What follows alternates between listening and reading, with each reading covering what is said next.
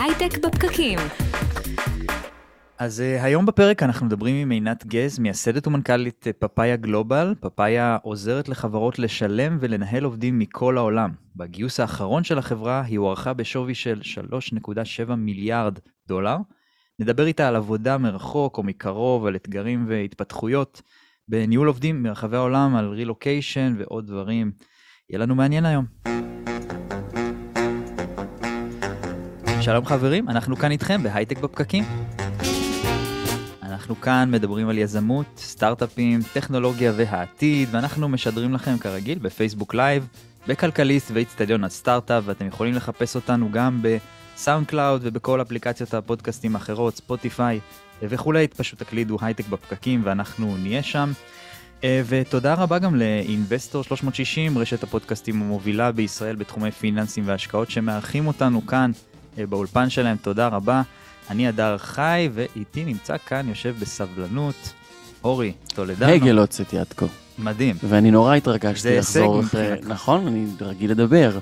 חגים שלמים חיכינו, הנה אנחנו חוזרים לאולפנים חדשים. כן, ו... הייתה לנו הפסקה. מי שרואה אותנו זה, זה לדעתי נראה טוב, עבדנו על זה רק איזה חצי שנה.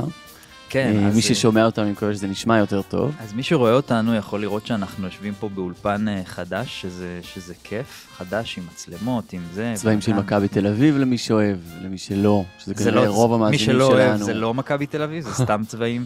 כן, שנבחרו אקראית, לא קשור למותג. כן. אז מה שלומך, אורי? איך היו החגים? היה טוב? החיים שלי לא זוהרים. כאילו אני עבדתי כל החגים. אין איזה... זה מה שזוהר, זה השגרה המבורכת. ה... כן, אני אוהב את העבודה שלי כנראה. יפה. או שאני לא יודע לנהל את הזמן שלי, אחד מהשניים. יכול להיות שגם וגם. כנראה, זה, זה כן, זה נכון, זה המצב. יפה, האורחת שלנו היום היא עינת גז, מייסדת ומנכ"לית פאפאיה גלובל, שעוזרת לחברות אה, לשלם ולנהל עובדים מכל העולם. היי עינת. אהלן, מה העניינים? בסדר, מזל טוב, מזל טוב על הגיוס. המרשים והמדהים. שצריך להגיד, פי, פי עשרה בשווי תוך שנה, גיוס של 3.7 מיליארד שקל. דולר. דולר, כן, כן, נכון. ככה חילקתי בשליש. אתה רגיל לדבר בשקל, אתה בהייטק, אחי. כן, נכון, אבל כשאני קונה פלאפל אני עושה את זה בשקלים, אז כנראה זה נשאר משם.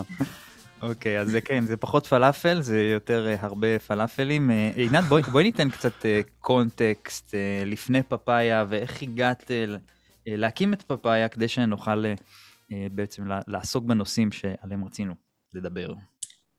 יאללה, אז נעים מאוד, אני עינת.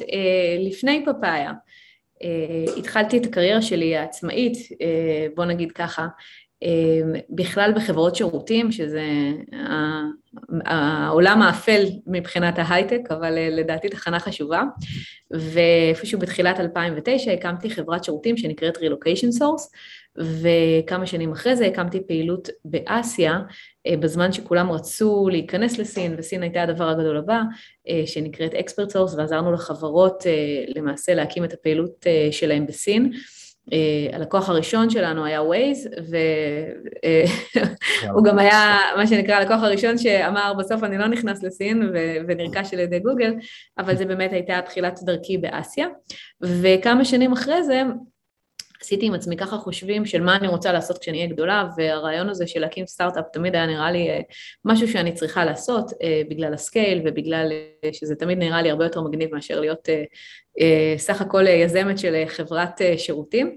ומשם התחילה פאפאיה, או משם התחלתי לחפש המון רעיונות, יש לומר, מי שמחפש את כל הרעיונות ההזויים שעברתי ועדיין לא מומשו, אז יכול לבוא, יש לי ספרייה.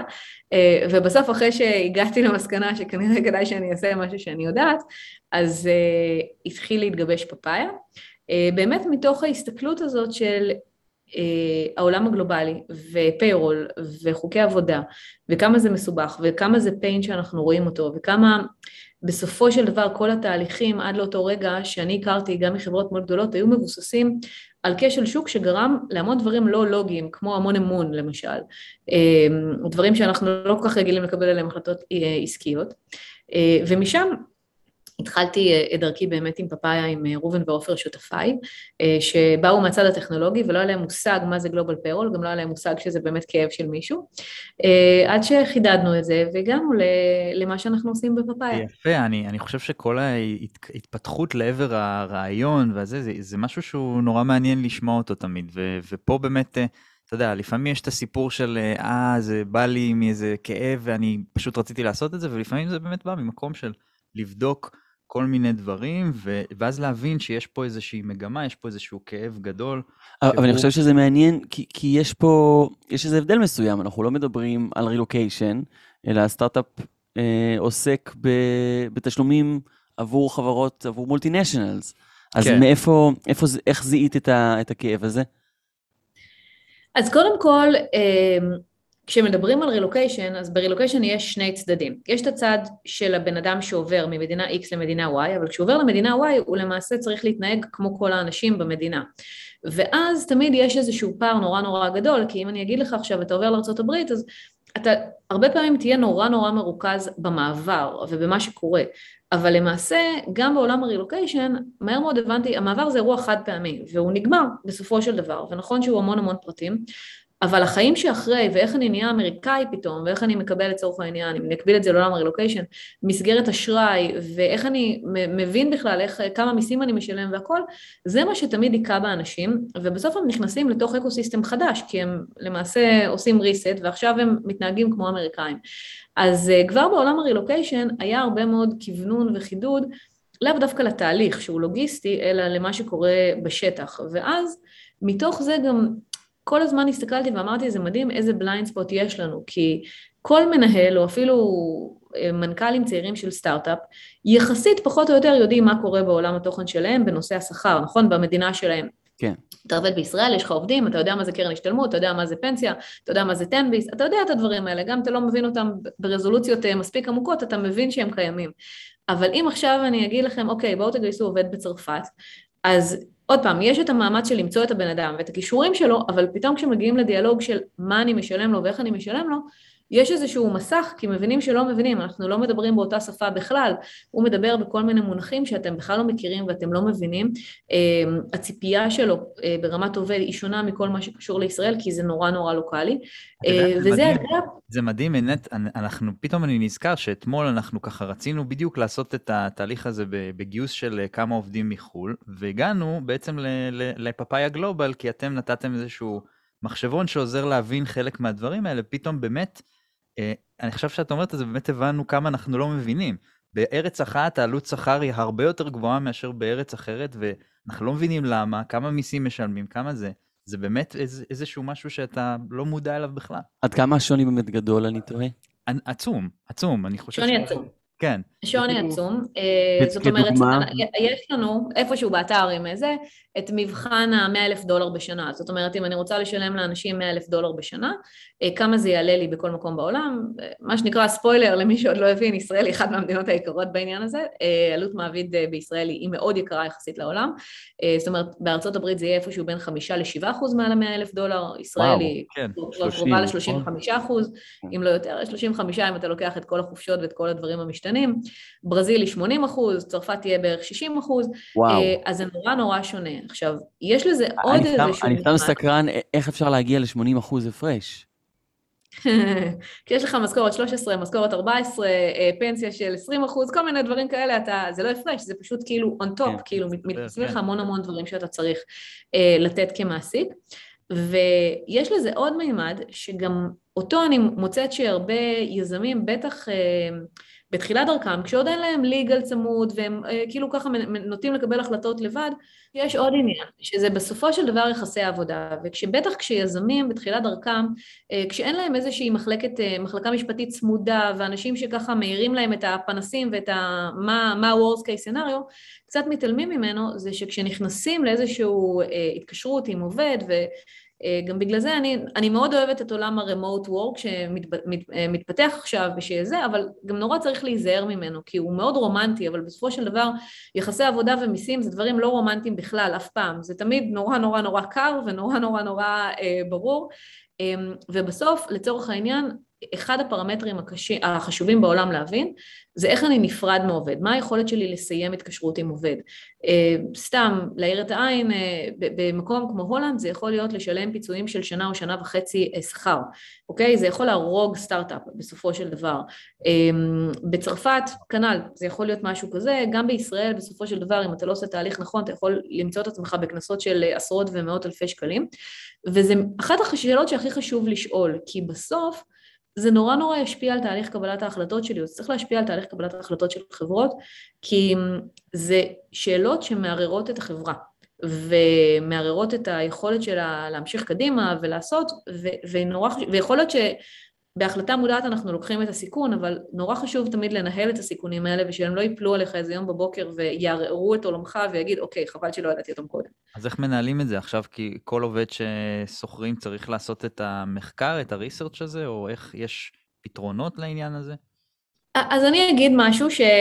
שתמיד אומרים לי, אבל זה נגד התזה שלכם בפאפאיה, ואני אומרת לא נכון. התזה שלנו שבסוף יחסי עבודה מרחוק יצליחו, ושזה לא יהפוך להיות משהו שאנשים יגידו, אה, ניסיתי, אבל זה עשה לי הרבה יותר מדי בעיות, וזה לקח לי הרבה יותר קשב, אז הרבה יותר קל לי לשים את כולם בישראל, וזהו, או בשני מקומות וזהו. אמ, א', בודקים האם באמת באמת באמת הארגון בשל היום להכיל אנשים שנמצאים בכל מקום בעולם, או שהוא רוצה להתמקד בשניים שלושה מקומות עיקריים, ומשקיעים את הזמן בלאתר את המקום הזה ולדייק אותו, אה, גם ברמת עלות העבודה שדיברנו עליה, גם ברמת הטאלנט, אוקיי? לפעמים אנחנו מוצאים איזשהו מישהו בשוק נורא נורא נורא נורא מסוים שהוא טאלנט, אבל אין מסביבו עוד טאלנט, זאת אומרת, אני עכשיו לקחתי מישהו וזהו, זה, זה, עכשיו אני צריכה לנהל להבין חוקי עבודה ולהתנהל בטיימזון שלו ולהבין את כל עולם התוכן שלו בשביל בן אדם אחד. יכול להיות שזה שווה לי כסטארט-אפ כי זה ה super talent שיבנה לי את החברה ויכול להיות שלא, יכול להיות שבסוף אני אגיד זה לא נכון לי בשלב הזה. אז כן, צריך להשקיע שם זמן, אה, צריך להשקיע אה, קצת, קצת, קצת research ו discovery. כמו שעושים product market fit, אז אפשר לעשות גם אה, מה שנקרא market fit שקשור לאנשים ול talent. אמ, אגב, אפילו ברמת ה time zone, אני, יש לי איזה כזה תזה שעוד אה, שנתיים צריך לבטל את כל ה time zone בעולם, וכל חצי שנה נחליט כן. מה ה time zone וכולם יתקשרו אליו. אני ממש מרגיש. אמ, שצריך לעשות את זה. כי זה נורא קשה, נכון? לדבר עם לקוחות בארצות הברית זה כאילו, אתה יודע, אתה מתחיל שיחה בשמונה, כאילו, כולך גמור, כבר שמונה בערב, כן? אז אנחנו עכשיו עם צוותים אה, בישראל ובארצות הברית ובאוסטרליה, ובארצות הברית בכמה טיימזון ובאנגליה, ולהצליח לייצר שיחה שבה כולם מגיעים באיזושהי שעה סבירה ביום זה בלתי אפשרי, זאת אומרת תמיד מישהו מתחיל את אמצע הלילה שלו אה, בשיחה כן. הזאת או את, את הלפנות בוקר שלו, תלוי מאיזה קצה של היום אתה, הוא מסתכל. אמ, אז זה גם חשוב, כי גם בשלבים מסוימים של חברה אין את היכולת באמת באמת באמת לייצר סינכרון או באמת לעבוד בצורה יעילה כשאתה בטיימזונים כל כך שונים. זה מעניין, אני חושב שגם שווה לעמוד על ההבדל רגע בין חברות שמנהלות אה, עובדים במרכזים בכל מיני מקומות אה, בעולם, לבין חברות שמתנהלות אה, בצורה, באופן שהוא fully remote, ואני אשמח לשמוע גם את, את הפרספקטיבה שלך על זה, זאת אומרת, מה עם חברות שבונות את עצמן מראש כחברה שהיא fully remote, כל, זאת אומרת אין, אין התיימרות אה, מראש לרכז עובדים במקומות מסוימים. סליחה. אה, אז אני אגיד, צריך לעבוד בזה, וצריך לעבוד בזה קשה. ראיתי כמה דוגמאות מדהימות, אה, זה קצת כמו סטארט-אפים, תמיד אנחנו שומעים על החברות שהצליחו, אבל מאחורי כל חברה כזאת יש איזה 15 או 20 שנכשלו, כן. אז, אז יש הרבה גם שנכשלו שם. כי באמת צריך להבין איך אתה מייצר אה, סביבה שבה בן אדם שהוא fully remote, א', מרגיש קשור לאנשים שהוא עובד איתם ומצליח להיות חלק מה-DNA ומצליח אה, להרגיש שהוא, אה, אתה יודע, חבר של האנשים, והוא רוצה, ושהמשימה משותפת, ושאנחנו חונכים אותו כמו שצריך. אמ, אז אני קודם כל מעריצה, באמת, חברות שמצליחות לעשות את זה בצורה טובה ומלאה, ושאנשים מצליחים להיות חלק מהיחידה אה, הזאת ומהכוח הזה שהולך ביחד גם כשהם פולי רמאות, אני חושבת שבסוף אם נסתכל על הסטטיסטיקה נבין שאין הרבה כאלה, ושוב זה גם דורש עבודה בדברים הכי קטנים שיש, אמ, להבין את החגים, להבין את המנטליות, לא לפספס את זה שפתאום, אה, סתם ניקח דוגמה ישראלית, אם מישהו היה לגמרי מתעלם מזה שזה ראש השנה ואפילו אמ, לא אומר לך שנה טובה או לא שולח לך איזשהו משהו צנוע, אז, אז היית נורא נעלב, היית כאילו מרגיש שהוא נורא נורא נורא דורס את, את המקום שאתה נמצא בו. Mm-hmm. אז זה דורש הרבה הכנה, גם תרבותית, גם סביבתית, וגם באמת להבין איך אתה עושה את זה, איך אתה מייצר אה, יסודות שהם מספיק טובים. לאנשים יש training, באמצע הלילה שלך, מישהו בארצות הברית רוצה להבין איך עושים משהו, אז מה, הוא נעצר ומחכה? לא, הוא צריך שיהיה לו איזשהו בסיס.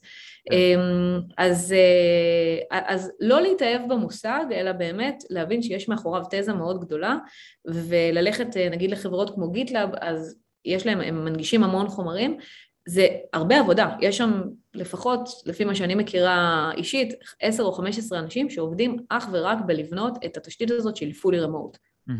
ואת חושבת שזה משהו שיכול, אה, נכון, הסטטיסטיקה היא באמת במצב שבו רוב החברות הן לא fully remote, השאלה אם זה, החלק הזה הולך לגדול בעינייך? יש, המגמות הולכות לשם, או שלא בהכרח? זאת אומרת, יכול להיות מאוד שהדברים יישארו, אולי יהיה remote work, אבל לא... זאת אומרת, זה ימשיך להיות אולי מרכזי עבודה יותר מאשר אה, fully remote. אז אני חושבת שהעולם הולך אה, כרגע למצב של דיסקאברי.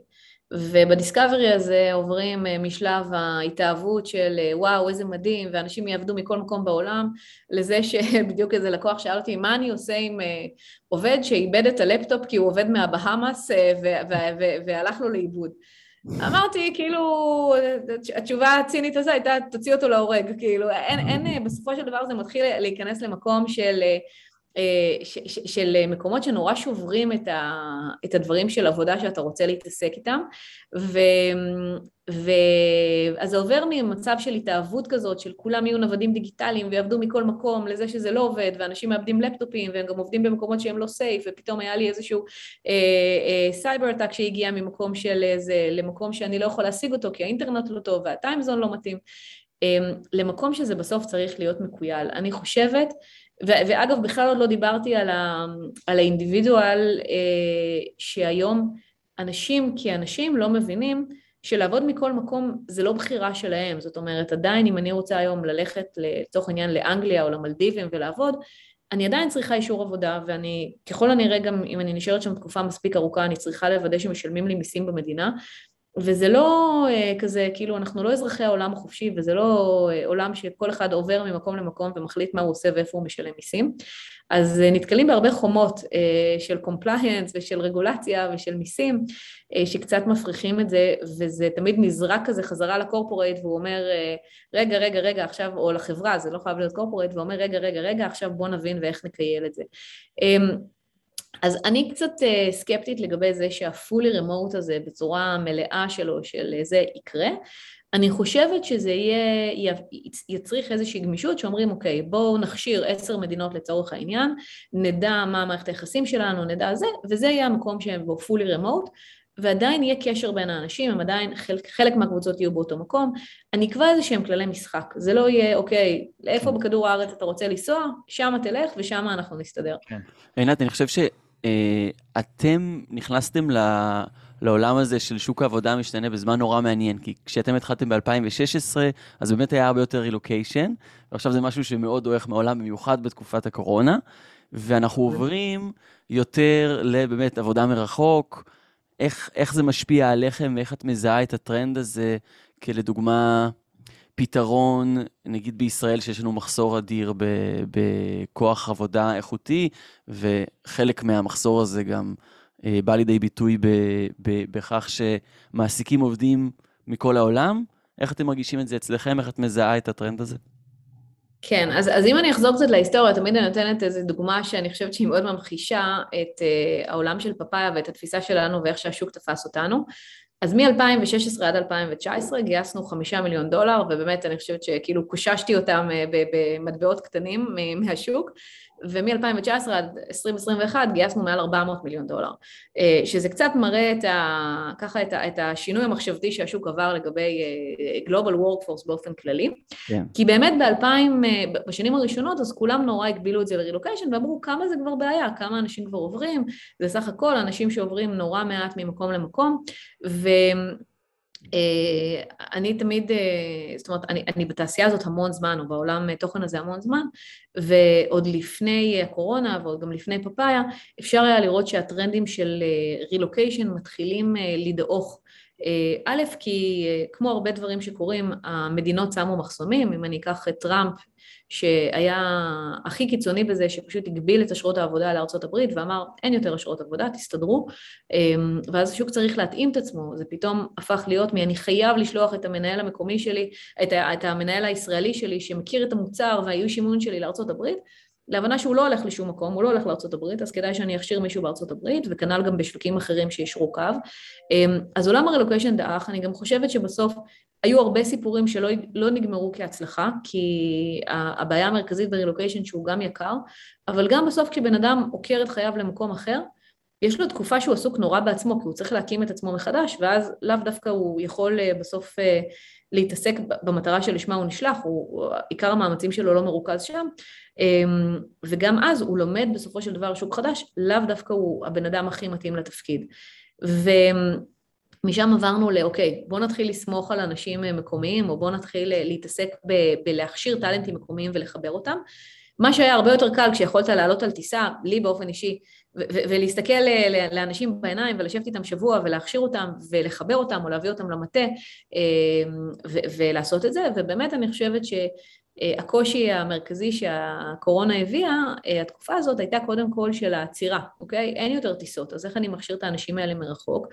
אבל מצד שני, האין יותר טיסות הזה גם גרם להבין שאנשים בקרקע, במדינה שבה אתה נותן שירות, הם, אה, הם, הם משהו שאתה חייב שיהיה שם, זאת אומרת, אתה לא יכול לייצר האב, אה, אה, לצורך העניין ב APAC ולשים אנשים בסינגפור ולהגיד מקסימום הם יטוסו לאוסטרליה ולסין כשיצטרכו לתת שירות, כי הם לא יכולים לטוס, אוסטרליה סגורה כבר למעלה משנה וחצי לטיסות נכנסות, זאת אומרת, אני צריך לשים אנשים באוסטרליה שייתנו מענה לשוק האוסטרלי. ו... ואז כמו כל דבר אחר, אני חושבת שלמדנו א', לעבוד עם אוכלוסיות לוקאליות, למדנו שגם זה אפשרי, בעיניי זה גם הרבה יותר נכון, וזה גם הרבה יותר נכון כשאתה בונה חברה, רגע, אני חוזרת לצד למה את אומרת שזה נכון יותר? כי כשאתה, כשאני ואתה מדברים את אותה שפה ונמצאים באותו חדר וחושבים אותו דבר, אנחנו עושים הרבה מאוד קיצורים בתקשורת בינינו, קיצורי דרך בתקשורת בינינו. כי, נכון. כי אני מבינה מה אתה אומר, אתה משלים את המשפט, אני כבר שם, הייתי, אנחנו זה, אנחנו פה. ובסוף כשאתה צריך עכשיו לבנות את התשתית למישהו שלא מדבר את השפה שלך, אה, לאו דווקא מבין את עולם התוכן, וגם יכול להיות שמה שאתה אומר ברור לך ולי, אבל הוא בכלל, בכלל, בכלל, כאילו, זה לא סגור לו והוא גם תופס את זה קצת אחרת.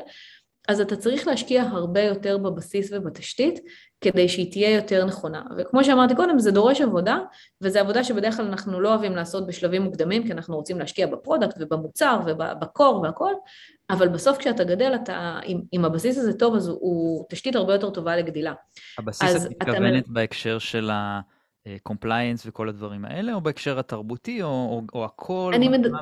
מה הבסיס? אני, אני מתכוונת בהכל, זה בבסיס של compliance, בבסיס של העברת ידע, בבסיס של training, בבסיס של תהליך. compliance מילה שנאמרה יותר מדי פעמים בלי שהסברנו עד הסוף, מי מתנדב לעשות את זה? נכון, בבקשה, נכון, אנחנו...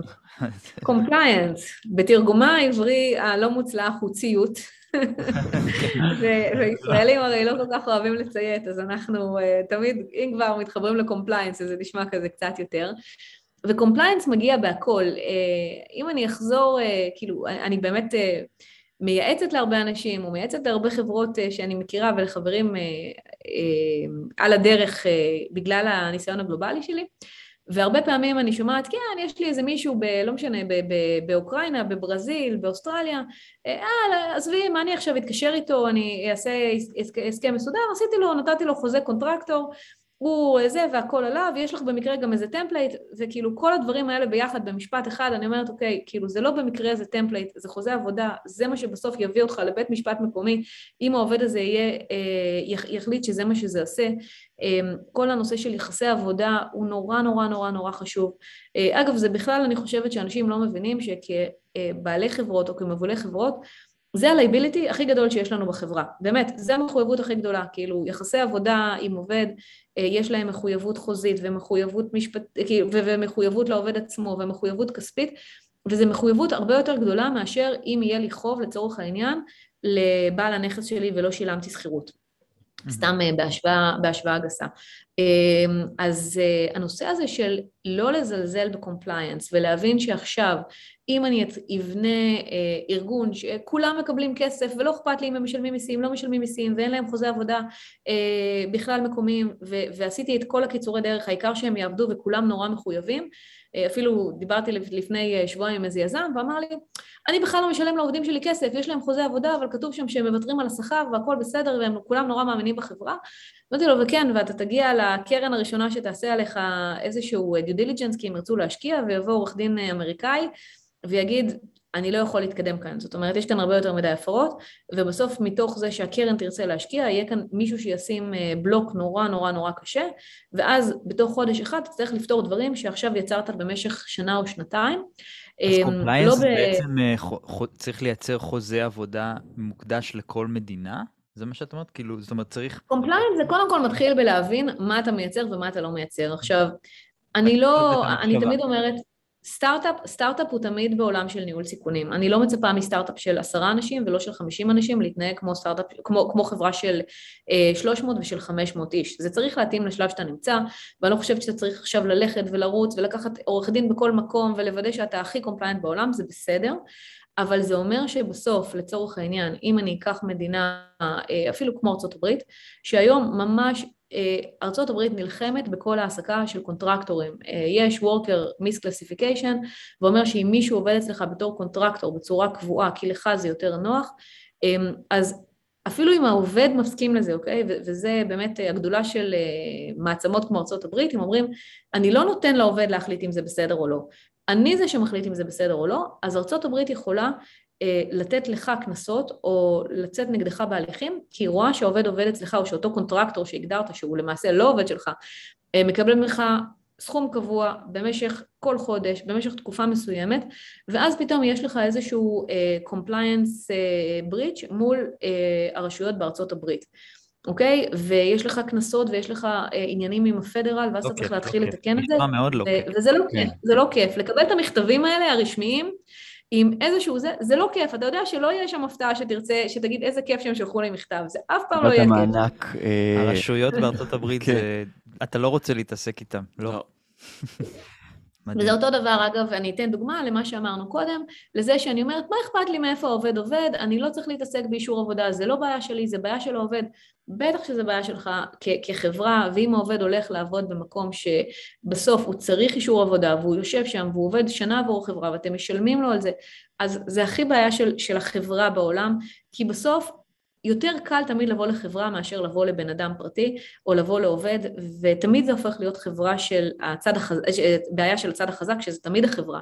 אמ, אז אתה עלול למצוא את עצמך מסתבך עם כל מיני רשויות בכל מיני מדינות במקביל, וזה לא, לא כל כך... נכון. וזה לא כן. כיף. וגם עם העובד שפתאום אני... אה, מגרשים אותו מהמדינה ושמים לו חותמת שחורה, ואז הוא כן. בא ואומר, אבל אתם ידעתם שאני שם, ולמה לא עזרתם לי? אמ, אז כל מיני כיף כזה ש... הוא צריך לשים אותו על סדר היום, והוא אף פעם לא כיף, גם לא להתעסק איתו זה גם לא כיף, אבל, אבל כשמתעסקים איתו בצורה אה, מבוקרת, אז זה מנות קטנות, וזה תמיד יותר טוב, זה, זה מניעה, וזה, וזה הופך את זה להיות, כל החיים שלך הופכים להיות קצת יותר שקטים באירועים, לא הופכים להיות אירועים כאלה גדולים. כן, מודעים לסיכון. אבל, אבל אני חושב שמשהו מאוד לקחת מפה גם זה באמת ניהול סיכונים, כי, כי אתה לא יכול לעשות, לסתום את כל החורים בכל מקום, ובטח שאתה לא חברה קטנה. נכון. אז אני חושב עכשיו, נגיד אתה, הדר, במצב שאתה הולך להעסיק עשרה עובדים, נכון? אתם מגייסים? עשרה עובדים, כן. כן. איך אתה מתמודד אה, מבחינת compliance, אם בכלל זה התפקיד שלך בתוך הצוות? זה לא התפקיד שלי בתוך הצוות, אבל uh, זה, זה באמת משהו שאנחנו מנהלים אותו. אנחנו יודעים ואיך? שאנחנו לא יכולים, למשל, אנחנו יודעים שיש לנו עבודה לעשות לפני שאנחנו מעסיקים uh, עובדים בארצות הברית, וצריכים to comply עם כל הדברים ש, אה, שהם צריכים בעצם. יש אה, אישור, אני בטח מניח שעינת מכירה, אה, לא יודע, יש לזה איזה שם. אז, ואז אתה יכול בעצם להשיג, יש לנו גם חברה אמריקאית, זאת אומרת, אנחנו כן עושים את זה מאוד מסודר בליווי עורכי דין ו, וכל הדברים. אבל באמת, יש גבול כמה אתה יכול להתעסק עם, רק עם זה כל היום, בסוף אתה צריך גם להגיע ל product market fit, כן, החברה כן. היא גם ככה נמצאת בסיכון מטורף כל היום. אז... אה, אבל נגיד לא ארצות הברית, אתם, מעסיקים עכשיו מישהי מהפיליפינים גם, נכון? כן. אז מה קורה שם בהקשר הזה? אז זה תלוי, זה תלוי בעצם באיפה העובד נמצא. אנחנו כן עושים את, ה, מחקר אה, לגבי כל מדינה ומה היא דורשת, וכשאנחנו, גם כשאנחנו נותנים את ההסכם העסקה, אז אנחנו אה, מתייחסים לחוקים הספציפיים של, ה, אה, של המדינה. כל, כן. אז כל- אתם בתקשורת עם עורכי דין מקומיים? אנחנו לא בתקשורת עם עורכי דין מקומיים, אבל אנחנו מתייעצים תמיד עם ה... אז, לנו- אז אני אגיד כאן משהו, אגב. לא של- סתם אני לא הייתי הזאת בתקשורת עם. עורכי דין מקומיים, כי לפעמים כן. עורכי דין, אתה יודע, עורכי דין הם עורכי דין, הם צריכים לתת לך את הפרקטיקה שלהם, אבל בסוף, אה, מה שאני אוהבת מאוד בטק, זה שבסוף תמיד יש לך אנשים ש-been there done that, אה, וגם בדרך כלל, מניסיוני, בטח בישראל, אה, יש תרבות של שיתוף מאוד מאוד מאוד אה, בריאה ופתוחה, ואנחנו לא מפחדים להגיד מה עשינו לא בסדר, ועל הדברים שקרו, את כל הטעויות. אז לפעמים עורך דין, זה דבר פחות נגיש ויותר יקר, וגם אה, זה, זה אף פעם לא כזאת תשובה על הדרך, זה תמיד כזה תהליך קצת של כמה שעות והוא צריך להבין ו- ויש לו גם מחויבות. זה פשוט לשאול, למי יש ניסיון? כאילו רגע להשקיע את השעה של לקבל פידבק ממישהו שהיה שם, של להבין את החוויה שלו, לומדים מזה המון. כאילו זה בדרך כלל האנשים שיגידו וואלה זה היה נורא פשוט, לא קרה כלום, אבל, או שפתאום תשמעו איזה סיפור ותגידו אוקיי עכשיו אני יודע שאני צריך לעשות 1, 2, היה 3. שם במדינה הספציפית או היה שם באופן כללי? מה, מה... לא, היה שם באותו מקרה, העסיק מישהו בפיליפינים, אוקיי? אוקיי. יש המון קבוצות, אני אישית, אה, מה שנקרא חברה לפחות בחמישים מהם, ומקבלת אה, המון המון שאלות ביום, ותמיד שמחה גם לנסות לעזור בכיוון ולהגיד, זה מסוכן, זה לא מסוכן, או רגע, בואו נדבר על זה יותר לעומק, אל תרוצו לחתום על משהו לפני שזה, כי באמת אין מה לעשות, זאת אומרת, אי אפשר להתעסק מתוך הסיכון, ו- ואי אפשר לתת לזה לנהל אותך, זה נכון, אבל לפעמים רק הפידבק הזה, ולפעמים ההבנה הזאת שלרוץ להסכם נורא נורא נורא מהר בסין או בברזיל או במדינות שהכוח שלך אה, מול עובדים הוא מאוד מאוד מאוד מאוד קטן ויכולים להביא אותך למקום שאתה לא מכיר את השפה, אתה תוציא סכום כסף מטורף על, על כל הליך כזה, אפילו הכי קטן, אה, יכול להיות עניין של, של קבלת החלטות, אוקיי? אה, או איך עושים את זה בצורה יותר נכונה, אז לפני עורכי דין פשוט הייתי אומרת באמת, אל תלכו בליינד, זה כמו, ותמיד אני מגבילה את זה לזה שאתם, כשאתה נוסע לחו"ל, נכון, ואתה רוצה לטייל באיזשהו מקום, אז אתה תחפש את הבן אדם שהיה שם, אתה תחפש להבין לאן הולכים, ומה המקום הכי טוב, ומה ההמלצות, אז זה אותו דבר, כאילו, בצד כן, הפחות כיף כן. של הדברים, ובצד כן. של הזה, אבל... הוא היה באיטליה והעביר אה, זה ליורו, כאילו כזה. כן. אה, דיברת על זה שלפני כן אה, ש compliance זה מאוד חשוב, אה, ואני רוצה ככה להבין אה, אה, למה זה חשוב. יש לי כאילו איזושהי מחשבה שהיום יותר ויותר תעשיות נעשות traditional, תעשיות שהן traditional נעשות הרבה יותר אה, פתוחות לחדשנות ודיגיטליות, אבל עם זה בא כל מיני, באות כל מיני דרישות to comply. זאת אומרת, אה, דברים שפעם לא היו יכולים לקרות, כמו למשל אה, אה, בין מדינות ובין עסקים, היום קורים בצורה הרבה יותר אה, חלקה, אה, והדברים האלה עכשיו בהתהוות. אז אה, מה המחשבות שלך לגבי זה? אז אני חושבת שיש כאן באמת אה, היום ערבוב של שתי עולמות, שאגב, גם לא תמיד כללי המשחק עדיין הוטמעו כמו שצריך. לצורך העניין, אם אני אקח, לדעתי, את, את הכאב הכי גדול של כולם ב compliance, GDPR ו-Privacy Regulation, אוקיי, שבא האיחוד האירופאי ואמר, לא מעניין אותי מי אתם, מה אתם, הנה זה הכללים, הם נורא נורא נורא קשוחים, כאילו, deal with that. עכשיו, אתה היום היית בעולם היצרני, אבל אמרת, אני רוצה להתחיל למכור לאנשים בכל העולם, ואני אקים marketplace, ולמעשה לקחת תשתית שהיא מאוד מאוד תעשייתית, ועשית לה איזשהו תהליך של אונליין, וזה לא עולם התוכן שלך, ופתאום באים ואומרים לך, אוקיי, מה עכשיו זה קשור? מה אני צריך עכשיו להגן על פרייבסי ו-GDPR? זה לא קשור אליי, אני מייצר פה משהו, אני מוכר אה, ברזלים, זה, זה לא רלוונטי אליי. אז זה מאוד מאוד מאוד רלוונטי, וצריך להבין גם, אה, וגם כאן, זאת אומרת, דיברנו על ניהול סיכונים, אז אין תשובה אחת טובה, כי ברור שאתה לא תעשה עכשיו פרויקט של אה, מיליון יורו כדי להכין את התשתית ושהכול יהיה אה, מוכן, אבל כן צריך להבין איך גם לא מתעלמים מזה לגמרי. זאת אומרת, איך אפשר למצוא את המקומות שבהם אתה אומר, אוקיי, עשיתי את ה-good enough, וסטארט-אפ בתחילת דרכו זה הרבה מאוד good enough, אגב, גם, גם במוצר, גם ב-MVP, תמיד good אומרים, enough זה "לך מטורף. כן. איזה איזה סיסמה. בא לי לשים את זה על אה. הפגוש של האוטו, good enough זה מטורף.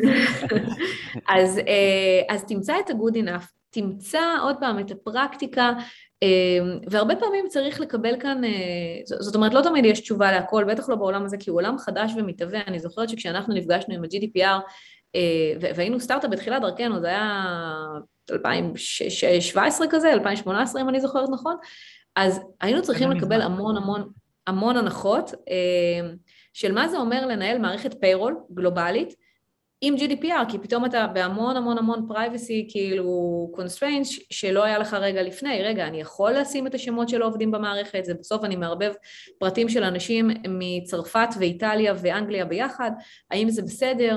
אמ, אז לקחנו כל מיני הנחות, חלקם מחמירות יותר, כי אמרנו, אוקיי, כאן אנחנו רוצים להיות מאוד מאוד מאוד מאוד מחמירים, וחלקם אומרות, אוקיי, אנחנו מכבדים את ה-GDPR, אנחנו גם לא משתגעים מחר כדי לקבל את הציון של המצטיינים לשבח אה, בוועדת ה-GDPR קומיטי של אירופה, אמ, ובאמת גם להבין מה התעשייה עושה. וקצת לנסות ליישר קו, אבל גם לא לזלזל. אגב, אני רואה המון דברים שאנשים חותמים, והיום לחתום על כל מיני דברים של DPA וזה, ופשוט לחתום, אומרים, טוב, לא יודעים מה רוצים ממני אז אני חותם, זה גם רע. עדיף לא לחתום, או להגיד, אני לא יכול לחתום, אני לא עומד בזה, שאגב, זה פידבק שבאמת חברות גדולות מצפות לקבל איינס, מאשר לרוץ ולחתום, ואז לרוב לקוחות גדולים יבינו ש, שחתמתם בלי לקרוא, אבל בסוף גם המשמעות של זה על החברה יכולה להיות... אה, לא אגיד גזר דין מוות כי זה קצת טרגי, אבל יכולה להיות באמת סחרור של liabilities שנכנסו אליו ותביעות משפטיות והכל, שבסוף ישימו שם הרבה מאוד זה... דברים שאנשים לא רוצים להתעסק בהם. תמיד legal זה סכנה מאוד גדולה לחברה שהיא עכשיו אה, בתחילת הדרך להתמודד עם הדברים האלה. כן. עינת... ואגב, אני אגיד עוד משהו, שגם אה, קרה לי בתחילת הדרך, היה לנו איזשהו לקוח שנורא אהבנו, ופתאום הוא נרכש על ידי ג'נרל אלקטריק. ואמרנו איזה כיף, עכשיו ג'נרל אלקטריק יהיו לקוח שלנו, וקיבלנו את החוזה, ואמרו אין בעיה, אנחנו מוכנים להמשיך להשתמש בכם בסין, וקיבלנו את החוזה, וראינו אותו, ובאמת, מה שנקרא, הדחף הראשוני היה לחתום עליו, כי אמרנו, טוב, יאללה, כאילו, מה זה משנה? ואז קראנו אותו, ואז אמרנו, אוקיי, אין סיכוי שאנחנו חותמים על הדבר הזה, גם אין סיכוי שאנחנו עומדים בכל מה שהם מבקשים מאיתנו לעמוד בתור ספק, ובצער רב אמרנו להם לא, זאת אומרת, אמרנו, תקשיבו, אנחנו לא יכולים, זה, זה, זה, זה משוגע, ו, וזה לפעמים החלטות קשות, אבל, אתה, אבל צריך גם להיות בוגר מספיק כדי לא לרוץ להרפתקאות שהן לא נכונות. היו שם דברים שהם באמת לא היו קשורים לשלב שבו נמצאנו, בטח לא ל funding שהיינו, ברמת ביטוחים, ברמת liabilities, ברמת דברים, שאמרתי, אוקיי, כאילו, אני, אני לא יכולה לייצר את כל זה, אני בטח לא אתחייב על כל כך הרבה דברים שלא קיימים, אמ, אז לפעמים גם להגיד לא למקומות שאתם לא מוכנים אליהם, זה בסדר, זה, זה נכון לשלב. וואו, אחלה טיפ. לסיום, עינת גז, תודה רבה שהיית תודה רבה. היה ממש ממש אה, מעניין ומרתק, ואני חושב שמי שהקשיב ככה בקשב רב צריך להקשיב אולי עוד פעם. וכן, מי שחושב... uh... אני, אני לקחתי לעצמי כמה דברים ככה, כן. כוכביות לשים לב אליהן. סופר מורכב לייסד אה, צוות בינלאומי, ואני חושב שזה מורכב. skill שלפחות אתה... אתה צריך לדעת שאתה יכול לעשות את זה במידת הצורך, כי במקום ללכת ראש בקיר על גיוס עובדים במדינה מסוימת, להגיד אוקיי, יש עוד אפשרויות, כן. וגם אוקיי, אז איך עושים את זה, מה המורכבויות? אני חושב שזה גם נהיה מודל שהוא יותר ויותר פופולרי, ואז בעצם ה- ה- היכולת לשים לב לדברים האלה, בטח לא לזלזל בהם, כי אני חושב שזה משהו שמאוד קל ככה להריץ אותו, לזלזל בו, בטח כשיש כל כך הרבה דברים כביכול יותר משמעותיים להתעסק בהם, אז... לא אז, כביכול. אז, באמת יותר משמעותי. כן, כן, לא בא לך עכשיו... כן, בדיוק. זה באמת יכול אה, להיות, אה, זה, באמת הדבר הכי חשוב. אה, יפה. עינת, ממש תודה. והיה... תודה לכם. אורי, תודה לך. תודה להדר חי. תודה, תודה, ותודה לנירית כהן, ועוד תודות אז גם לכלכליסט ורדיו תל אביב על שיתוף הפעולה, ולאינבסטור 360 על האירוח באולפן, וכמו תמיד, אם יש לכם אה, רעיונות לתוכניות, או שבא לכם אה, ככה להתחבר אלינו, אתם מוזמנים לקבוצה הייטק בפקקים ולעקוב אחרי איצטדיון הסטארט-אפ. אנחנו הייטק בפקקים, ואנחנו נתראה בשידור הבא. יאללה ביי. ביי ביי. ביי ביי.